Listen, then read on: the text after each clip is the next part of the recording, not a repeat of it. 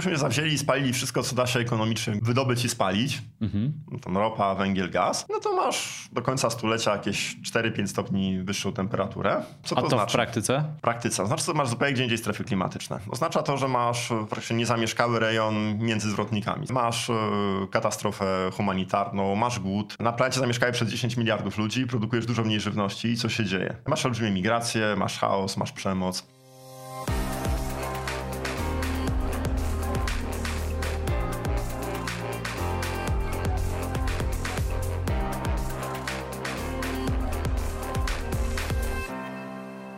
Krzysiek Grzyman, dzień dobry. To jest pierwszy odcinek Zielonego Podcastu. Jestem bardzo podekscytowany tym faktem.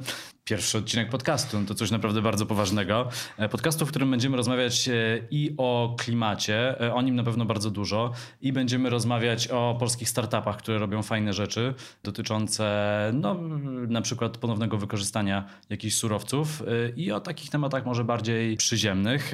Ale dobra, to samo wyjdzie w praniu, o czym będą kolejne odcinki podcastu, ale teraz przedstawię gościa. Marcin Popkiewicz, fizyk e, jądrowy, e, no i przede wszystkim e, dziennikarz, człowiek, który nas ostrzega cały czas o tym, jak się zmienia klimat. Dzień dobry. W tym kontekście redaktor portalu Nauka o Klimacie pewnie jeszcze można by dodać. Oczywiście, chciałem to powiedzieć. Też Nauka o Klimacie i jeszcze drugi serwis Ziemia na rozdrożu. Też. E, i autor kilku książek. Tak, Świat na rozdrożu, rewolucja energetyczna, ale po co? I nauka o klimacie. No to no zacznijmy... autorstwo w polskim węglu jeszcze. Słuchaj, no jest tutaj gorąco, nie da się tego ukryć. E, ale, ale... widać w moich zaparowanych okularach, nie? ale to chyba, co jest najgorętsze lato w historii Polski? E, no tak, tak będzie. Kolejny rekord, prawda? Już ile tych rekordów nie stężenia dwutlenku węgla, innych gazów cieplarnianych, najcieplejsze temperatury globalne. Ostatni rok był najcieplejszym w historii Polski. Nie wiadomo, może ten pobije, na razie jest, jest taka możliwość. No, mm. Przyzwyczajamy się do tych rekordów. Rekordowe pożary, tak, Syberia, Amazonia. Można wymieniać trochę. To chciałem, żebyśmy w tym pierwszym odcinku e, porozmawiali o e, zmianie klimatu i o tym, czy naprawdę mamy do czynienia z katastrofą klimatyczną. Bo wydaje mi się, że coraz więcej mediów zaczęło nazywać rzeczy po imieniu i nadal bardzo wiele osób w ogóle nie chce uwierzyć w to, co się dzieje. To mamy do czynienia z katastrofą klimatyczną, czy nie mamy? Ha. Znaczy jeszcze nie, ale stopniowo coraz bardziej tak. Ja bym powiedział tak, wyobraźmy sobie, że jesteśmy odkrywcami w nowym świecie. I wsiadamy na tratwę i płyniemy sobie wzdłuż biegu rzeki odkrywać świat. No i wszystko jest ładnie, pięknie, słoneczko świeci, ptaszki śpiewają, w ogóle super. E, odszpuntowujemy beczułkę piwa, jest w ogóle jeszcze fajniej. E, no jeszcze nie wiemy, ale ta rzeka nazywa się Niagara, a przed nami jest tam wodospad, ale jeszcze o tym nie wiemy. No i się bawimy dobrze, e, no i nagle słyszysz taki jakiś szum gdzieś tam z przodu dobiega. E, nic. Zaczyna się robić coraz głośniejszy ten szum. Zwracasz uwagę kolegów, koleżanek, słuchajcie, coś tam z przodu może być, coś tam szumi. E, wyluzuj Johnowi brzuchu burczy. Dobra, szum przechodzi w grzmot. Świadomość sobie, że tam granic przodu to jednak jest wodospad. No i pytanie jest, kiedy jest punkt krytyczny waszego życia? Czy w momencie, kiedy wypadacie przez krawędź wodospadu, kiedy rozpaćkujecie się o skałę na dole, czy być może 100, 200 albo 500 metrów wcześniej, kiedy jeszcze możecie złapać za wiosła i odpłynąć do brzegu. Mhm. Pytanie, kiedy jest ta katastrofa, tak? My jesteśmy teraz, płyniemy tą rzeką i kolejny prąd się nasila, a z przodu ten grzmot słychać wyraźnie, więc tam ten wodospad jest. E, no i tak naprawdę są jakieś tam porochy, powiedzmy, tak, jakieś tam skały w nurcie, już faktycznie zaczyna się robić tak ryzykownie, ale jeszcze tej katastrofy nie widzimy, tak? Bo to jeszcze przed a nie nami. Widzimy, a nie widzimy jeszcze tej katastrofy? Nie, no jakby, wiesz, jak tam się weźmie lunetę, tak, czyli badania naukowe, jakby się zaprognozuje, jakby, wiesz, rozumiemy fizykę generalnie, tak, jak grubsza działa maszyna klimatyczna. E, wiemy, jak się klimat zmieniał w przeszłości Ziemi, były epoki lodowe, bywało cieplej, wiemy dlaczego, wiemy, jak tak czy, czy inne zaburzenie w ziemskim systemie klimatycznym powoduje takie czy inne zmiany klimatu.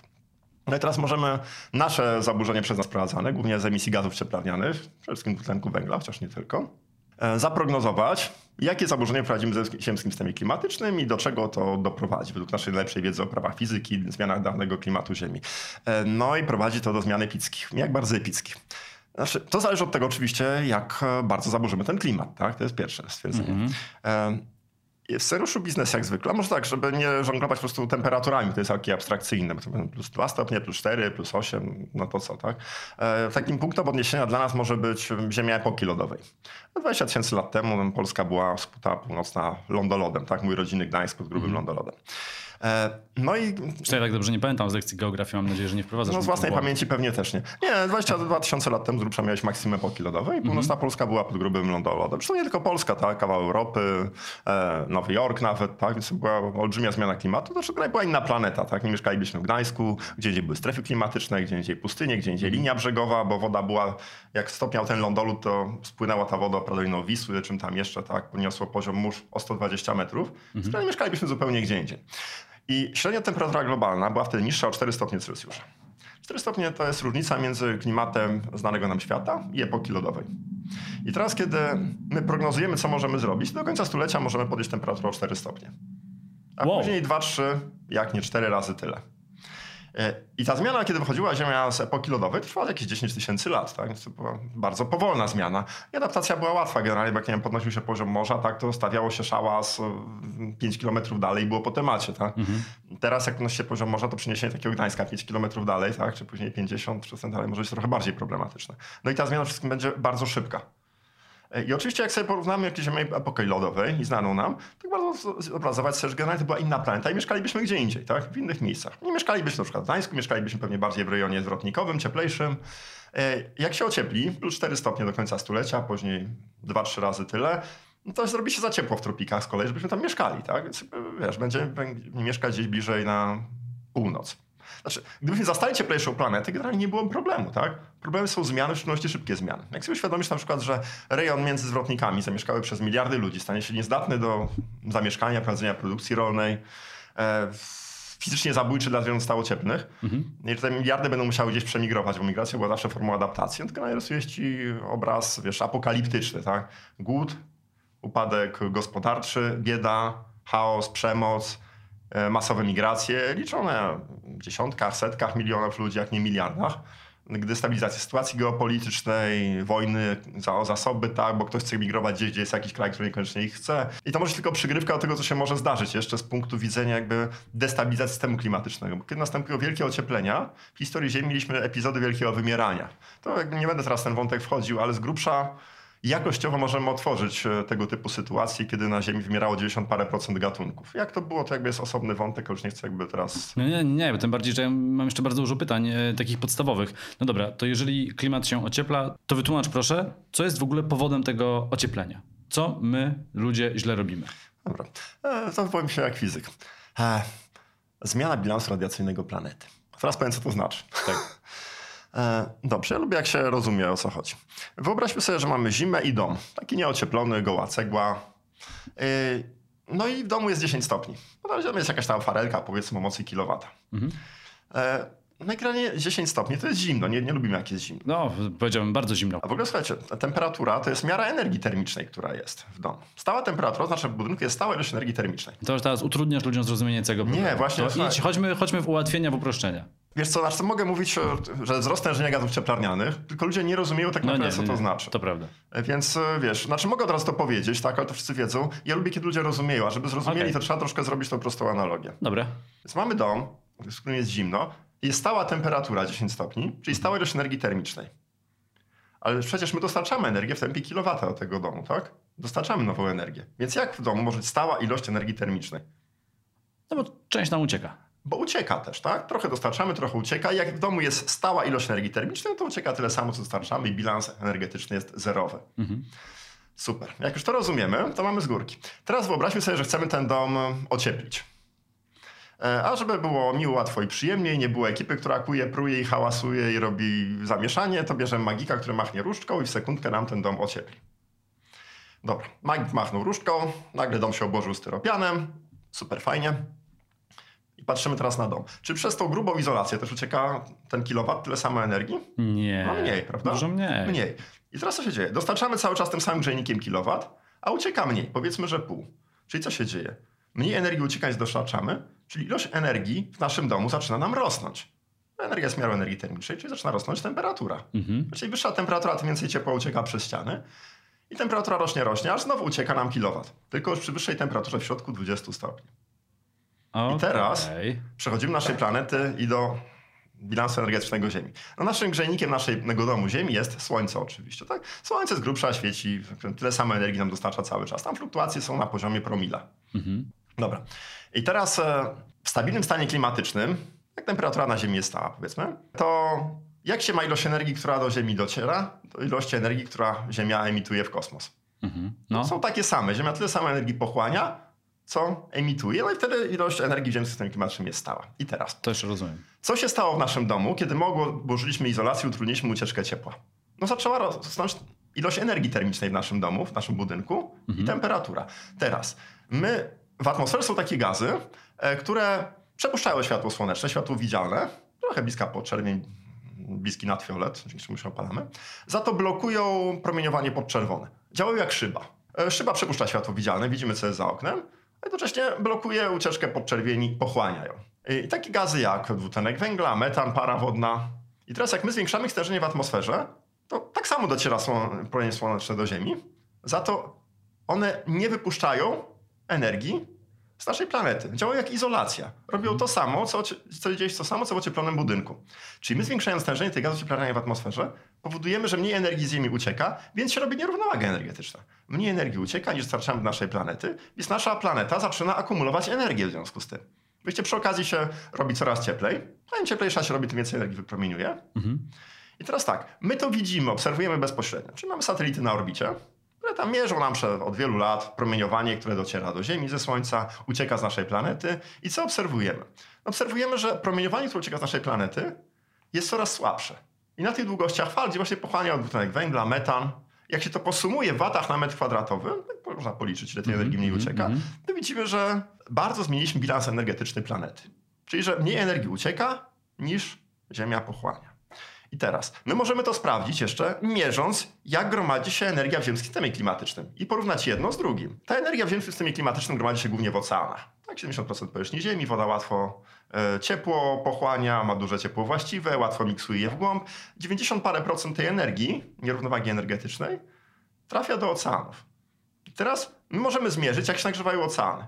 Za pomocą termometrów najprościej. No. Tak, nawrzucać tysiące termometrów do oceanów, które tam będą nurkować na jakąś tam głębokość iluś kilometrów. Mierząc po drodze temperaturę, jak się wynurzą, na- nalazło do satelity, co zmierzyły. I my mierzymy, że oceany się nagrzewają. Nagrzewają się w tempie, no oceany są duże, więc nie powiem wam w ilu dżulach, bo to by wam wiele nie powiedziało. E, Ale przeliczmy to na duże grzałki. Znaczy są duże grzałka, będzie duża, naszą grzałką będzie bomba atomowa klasy Hiroshima. O Jezu. No taka konkretna. Tak, tak, tak, tak. No. I teraz, jak często trzeba taką bombę detonować w oceanach, żeby cała energia tej bomby nagrzewała oceany, tak jak to obserwujemy? Co ile czasu? No co jakieś no, ja nie sekundy. zgadnę. Serio? Tak. Cztery bomby na sekundę. Prawie pół miliona bomb atomowych na dobę. My obserwujemy, że ziemskie oceany nagrzewają się w tym tempie. Ziemski system klimatyczny, proszę na jedno wychodzi. I teraz to dokładnie się zgadza z tą nierównowagą bilansu energetycznego planety, że my obserwujemy, że mniej promieniowania ucieka na tych długościach fal, gdzie pochłaniają te gazy, których stężenie zwiększyliśmy w atmosferze. Więc teraz jak ktoś wychodzi i mówi, że nie ma żadnych dowodów, że emitowane przez nas gazy cieplarniane powodują ocieplenie klimatu obecne, to znaczy tylko jedno, że on nie zna dowodów. No dobrze, to, a on ci odpowie teraz, no dobra, to skoro pan tak mówi, y, to co z tego, że się oceany nagrzewają? Prawda? Nie, no, oczywiście nagrzewa się cały ziemski system klimatyczny, tak? Nagrzewają się oceany e, i nagrzewa się atmosfera i ciepło idzie w topnienie lądolodów, lodowców. Więc widzimy cały szereg zmian, które w związku z tym następują.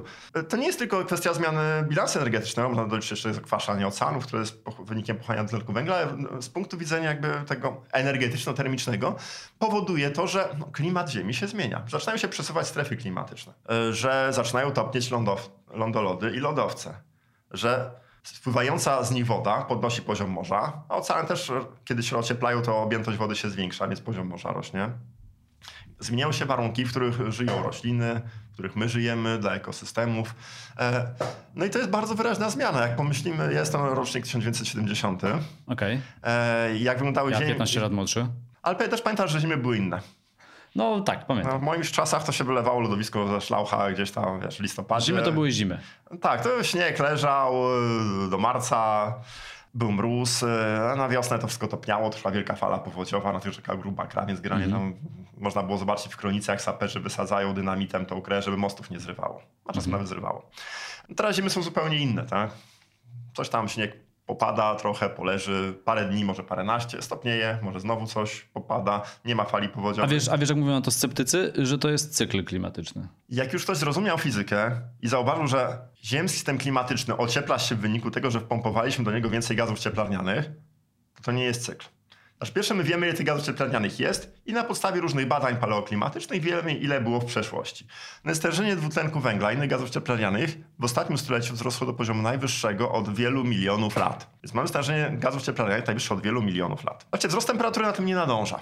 To jest trochę tak, jakbyśmy mieli piekarnik ustawiamy termostat na 200 stopni. Mamy od razu 200 stopni w piekarniku? No, trochę to trwa. No, oczywiście, bezwładność termiczna. Jasne. A jak w środku mamy jeszcze indyka, to zanim on tam w środku do 200 się ogrzeje, to w ogóle musimy godzinami czekać. Słuchaj, nie, nie jemy mięsa, więc bez indyka. No Okej, okay, coś tam innego możesz włożyć. No. Zanim bryłę lodu możesz włożyć do piekarnika, zanim ona stopnieje. Tak? Okej, okay. no niektórzy ananasa pieką i yy, okay, dobra, mówią, że to mięso. Whatever. Ale trochę to zajmie. Zanim system klimatyczny się nagrzeje do tego ustawienia termostatu, czyli stężenia gazów cieplarnianych, trochę czasu musi minąć. Więc temperatury no, gdyby temperatury już się dostosowały do obecnego stężenia gazów cieplarnianych, to byłoby cieplej o 2-3 stopnie wzrost temperatury globalnej. Mhm. Dla porównania, różnica między temperaturą epoki lodowej i obecnej są 4 stopnie Celsjusza. Na razie oceany nagrzewają się powoli, więc ten wzrost temperatury jest mniejszy. Troszkę powyżej 1 stopnia Celsjusza. Ale mówisz, że to przyspieszy? Znaczy, po pierwsze, to się dostosowuje do ustawienia termostatu. Im wyższe stężenie gazów cieplarnianych, to jakby wyższe ustawienie termostatu na naszym mhm. piekarniku, tym wyższa temperatura docelowa i do niej dążymy. I tą zmianę jakby wyraźnie już widać. E, swoją drogą te temperatury, według badań paleoklimatycznych, ostatnia dekada była prawdopodobnie najcieplejszą w całym Holocenie, czyli ostatnich 11 tysiącach lat w tym ciepłym okresie. Ponieważ wcześniej była epoka lodowa, to można powiedzieć, że temperatury w ostatniej dekadzie były najwyższe od ponad 120 tysięcy lat. Poprzedniego interglacjału, który był tam ułamek stopnia cieplejszy od Holocenu. Tak więc generalnie, jeżeli mówimy o cyklu, przepraszam, stężenie gazów cieplarnianych jest najwyższe od wielu milionów lat. Temperatura jest najwyższa od ponad 100 tysięcy lat i wiemy, że będzie rosnąć dalej i znamy tego przyczyny, dlaczego zmienił się bilans energetyczny planety, więc przepraszam, to nie jest żaden cykl. Ani z cyklu epok lodowych, tym bardziej cyklem epok lodowych e, sterowały zmiany orbity Ziemi. One działają w kierunku ochłodzenia. Powinniśmy obserwować ochłodzenie. Aktywność słoneczna od kilkudziesięciu lat spada. E, ostatnio do poziomu najniższego od ponad stulecia. Powinniśmy obserwować ochłodzenie. Więc generalnie ten wpływ naszych gazów cieplarnianych tak naprawdę bije na głowę działania czynników naturalnych, potencjalnie różne naturalne cykle, z którymi mielibyśmy do czynienia. To powiedz, co nas czeka, jeżeli nic nie zrobimy? Na cele, wiesz co, znaczy nic nie zrobimy, bo problem jest w tym, że że właśnie my coś robimy. Czyli my, wiesz, cały czas emitujemy gazów cieplarnianych, gdybyśmy nic nie ale robili. Mówię, ale, ale, ale przyjmujemy ten scenariusz, że... Tak, biznes jak zwykle, że emitujemy sobie coraz więcej, kolejne kraje nie patrzą na to, jakie są efekty ich działań, po prostu cisną. A jakbyśmy zawzięli i spalili wszystko, co da się ekonomicznie jakby no, wydobyć i spalić, mhm. tam ropa, węgiel, gaz, no to masz do końca stulecia jakieś 4-5 stopni wyższą temperaturę, a później 2-3 razy tyle. Co to, a to znaczy? w praktyce? praktyce. Oznacza, że masz zupełnie gdzie indziej strefy klimatyczne. Oznacza to, że masz praktycznie niezamieszkały rejon między zwrotnikami, całe tropiki. To jest większość lądów na planecie, to jest większość populacji. Masz nie nadające się do zamieszkania też Chiny, Indie, już nie mówię o Afryce, Bliskim Wschodzie. E, masz e, katastrofę humanitarną, masz głód.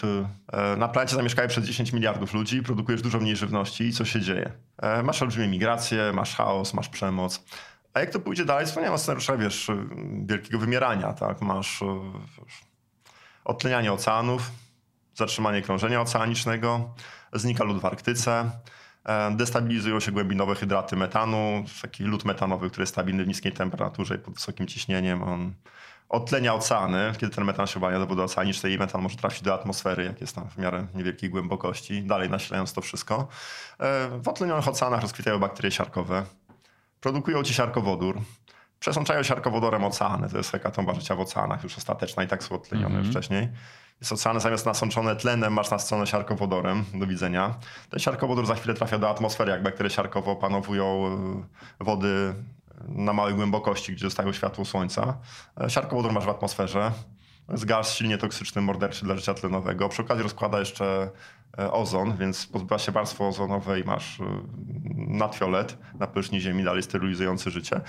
No i to można by jeszcze kontynuować parę atrakcji. E, Słuchaj, I z grubsza ja opisałem jestem... coś, co zaszło w historii Ziemi i, i tak jak nam się taki scenariusz może wydawać zupełnie jakby no niemożliwy, jak patrzymy za okno, słoneczko świeci, drzewka zielone, niebo błękitne, w ogóle super, mhm. ale jak coś zaszło w historii Ziemi, znaczy to jest możliwe. A to zachodziło nie raz.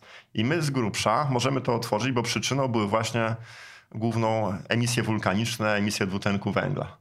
I teraz my robimy to na, znaczy dużo szybciej niż wtedy to miało miejsce. Czyli my robimy sobie to sami. My możemy to zrobić, tak. Znaczy do końca nie wiemy, gdzie są punkty krytyczne tego typu zjawisk. E, ale generalnie możemy, znaczy nie powiem zamordować wszystkie życie na Ziemi, bo jakieś formy życia to przetrwają, jakieś tam karaluchy, niesporczaki, bakterie, które żyją tam kilometr pod ziemią, tak? E, no ale pewnie nas tu już nie będzie, tak? I znanego nam życia. To co powinniśmy teraz robić? Słuchaj, bo będziemy jeszcze dużo razy na pewno w tym podcaście rozmawiać na ten temat, y, co zrobić, y, żeby katastrofę powstrzymać, ale jakbyś miał w kilku, w, kilku, w kilku zdaniach dosłownie Dobrze, na poziomie zajawić, żeby, żeby, żeby każdy po wysłuchaniu tej rozmowy pomyślał sobie, ok, czyli wiem, że jest źle, ale wiem, że są działania, które można podjąć, żeby to no, przynajmniej zahamować, jeżeli nie powstrzymać? Mamy dwie płaszczyzny dyskusji. Pierwsza to jest płaszczyzna fizyczna, druga to jest płaszczyzna społeczno-polityczno-aktywistyczna, gospodarcza. Tak. Płaszczyzna fizyczna jest oczywista. Musimy zaprzestać emisji gazów cieplarnianych, w szczególności dwutlenku węgla. I to szybko. E, według raportu IPCC z października zeszłego roku o połowę w ciągu dekady ściąć emisję i do zera kilkanaście lat później. Wygranie oznacza zero paliw kopalnych 2050, zero węgla, ropy, gazu. No, zaprzestać wylesiania, bo jak na razie to wiecie, Amazonia idzie z dymem i tak dalej, Indonezja, Afryka, wylesiamy zamiast zalesiać. E, I z punktu widzenia praw fizyki to jest jasne, co należy zrobić. Zaprzestać emisji gazów cieplarnianych. I teraz pojawia się płaszczyzna, ta cała społeczno-polityczno-gospodarcza. No i tu się docieramy do bardzo różnych niewygodnych kwestii, jak pewnie doskonale się orientujesz. Dowcip w tym, że prawa fizyki mają absolutnie w głębokim poważaniu, co nam się podoba społecznie, politycznie albo gospodarczo. One zrobią swoje. I poglądy polityczne chyba też ma gdzieś. Nie, oczywiście. Prawa fizyki zrobią swoje. Więc tak naprawdę należy wyjść od tego, co musimy zrobić ze względu na prawa fizyki, i to mm, warunkuje to, co mamy zrobić politycznie, społecznie i gospodarczo. Patrzenie na to w inny sposób to jest jakieś kompletne szaleństwo po prostu. No i teraz z punktu widzenia politycznego, społecznego jest gospodarczego, co powinniśmy zrobić. Pierwsze, uznać, że, że to jest coś, co musimy zrobić i dalej już jest prościej. Bo jak już znamy cel, to w tym momencie nie myślimy o utrzymaniu górnictwa polskiego 2050 rok, czy o tym, że będziemy importować ropę z Rosji 2050, mm-hmm. czy będziemy nadal palić czymś tam w naszych kopciuchach, tylko myślimy jak Wiesz, dokonać... tym węglem w Polsce też jest ciekawie, bo chcemy utrzymać górnictwo, jednocześnie importujemy coraz więcej nie, no węgla, ale to o polskim węglu to możemy jest... opowiedzieć tak, teraz. Tak, tak, znaczy, tak, utrzymujemy nie. Nie, nie, reanimujemy trupa. Zostawmy, zostawmy na boku. No więc uświadomienie sobie, co trzeba zrobić, bardzo pomaga w ogarnięciu tego, jaki jest kierunek, bo tak należy planować. Najpierw ustalić, to jest nasz cel, 2050, jak nie szybciej, bez paliw kopalnych, chyba że należałoby szybciej 2050, to i tak jest jazda po bandzie. Ale politycznie jest to bardzo trudne przeprowadzenia. Ja bym wolał 2030, max 40, ale tak, bo osobny wątek.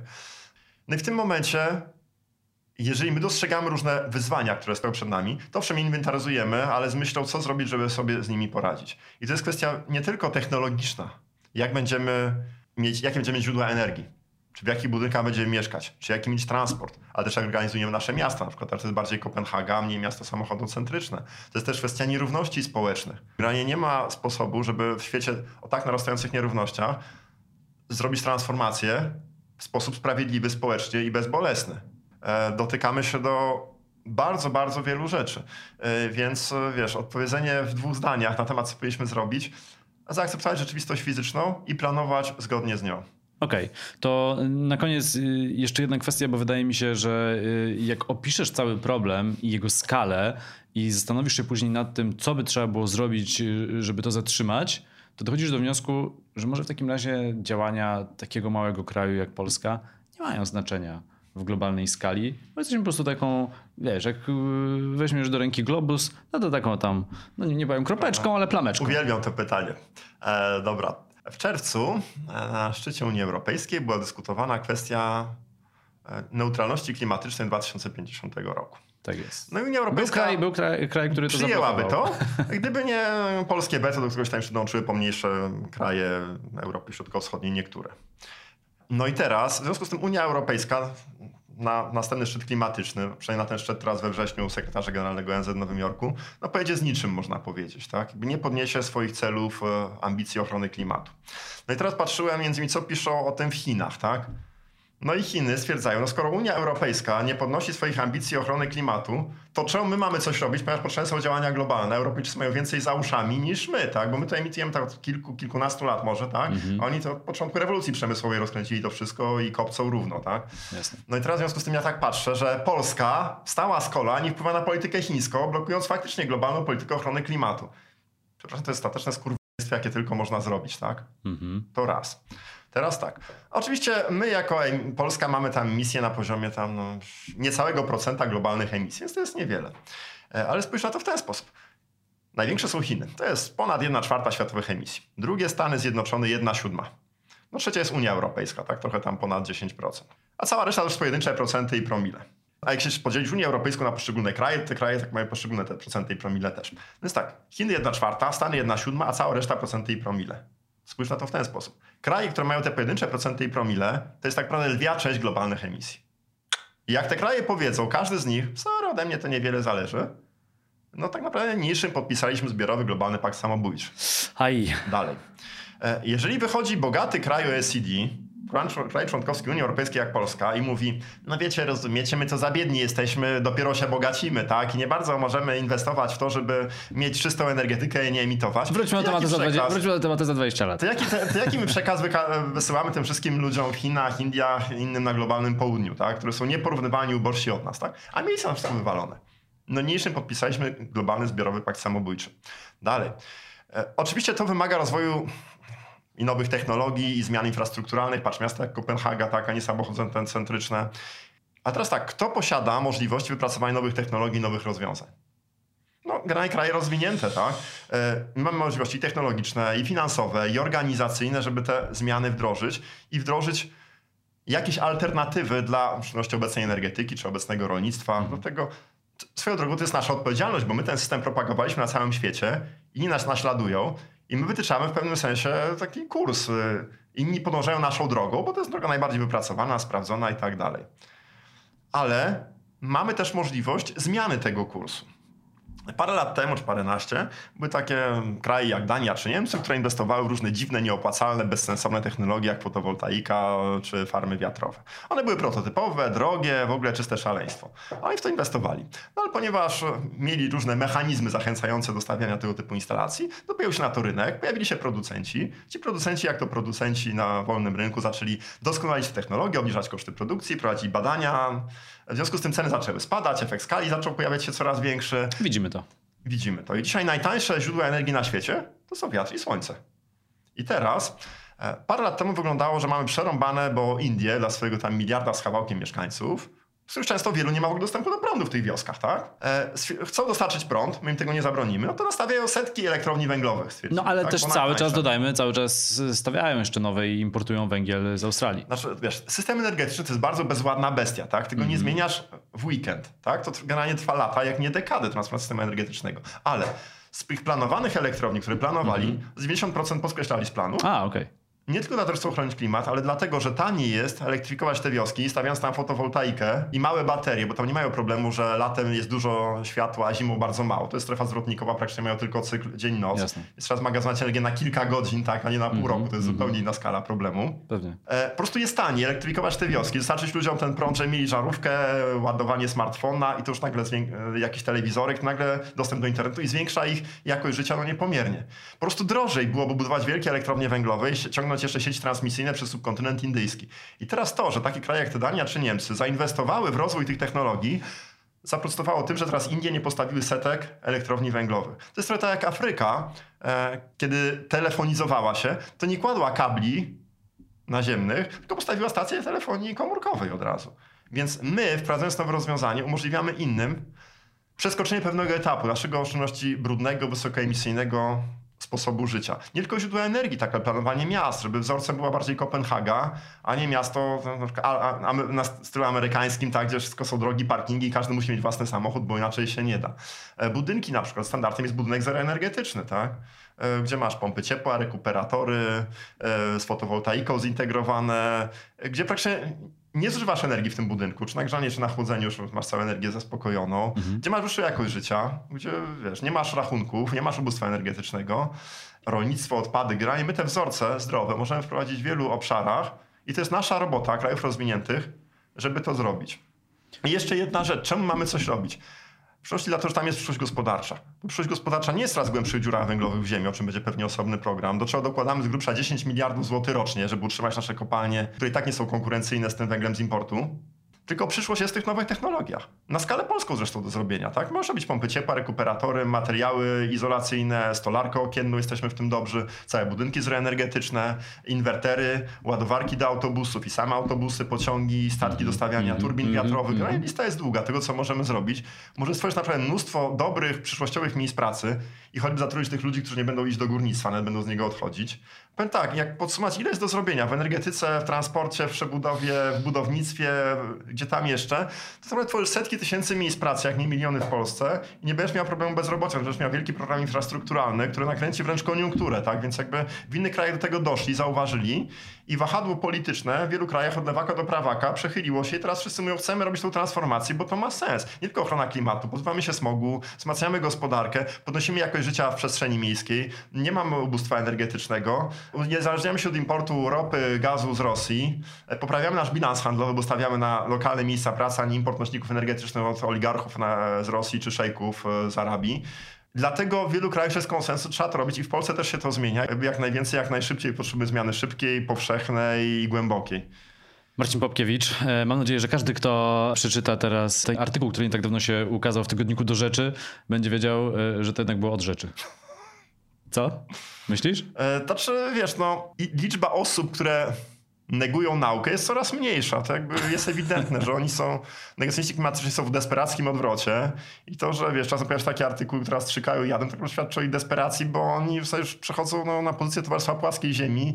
To jak ktoś zaczyna mówić takie farmazony I klimatyczne, to że puka się w głowę po prostu, że ci goście kompletnie, no, nie, znaczy nie wiadomo, czy, to, czy nie znają nauki i się chcą pochwalić na zasadzie nie wiem, więc się wypowiem, tak? Czy robią ze względów ideologicznych. Ale wiesz, no jestem fizykiem, tak? Ze względów jakby no, naukowych to, to się nie da. Negując y, ochronę klimatu, e, tak naprawdę no, działamy na szkodę własnych dzieci i dopiero no, szkodzimy na coś, co się dzieje, co będzie, tak? Więc jakby uważam, to jest jeszcze gorszy przypadek e, i absolutnie nie możemy sobie na to pozwolić. Marcin Popkiewicz, e, fizyk, dziennikarz, współautor portalu e, Nauka o klimacie i Ziemia na rozdrożu, autor kilku książek, bardzo polecam poszukać w internecie. Dzięki, Dzięki. bardzo. A to był pierwszy odcinek Zielonego Podcastu. Krzysiek Grzyman, bardzo dziękuję. No pytań jest tyle po tym podcaście moim zdaniem, że to można ciągnąć w nieskończoność. No można, można. Obyśmy tylko mogli. Dzięki. Dzięki.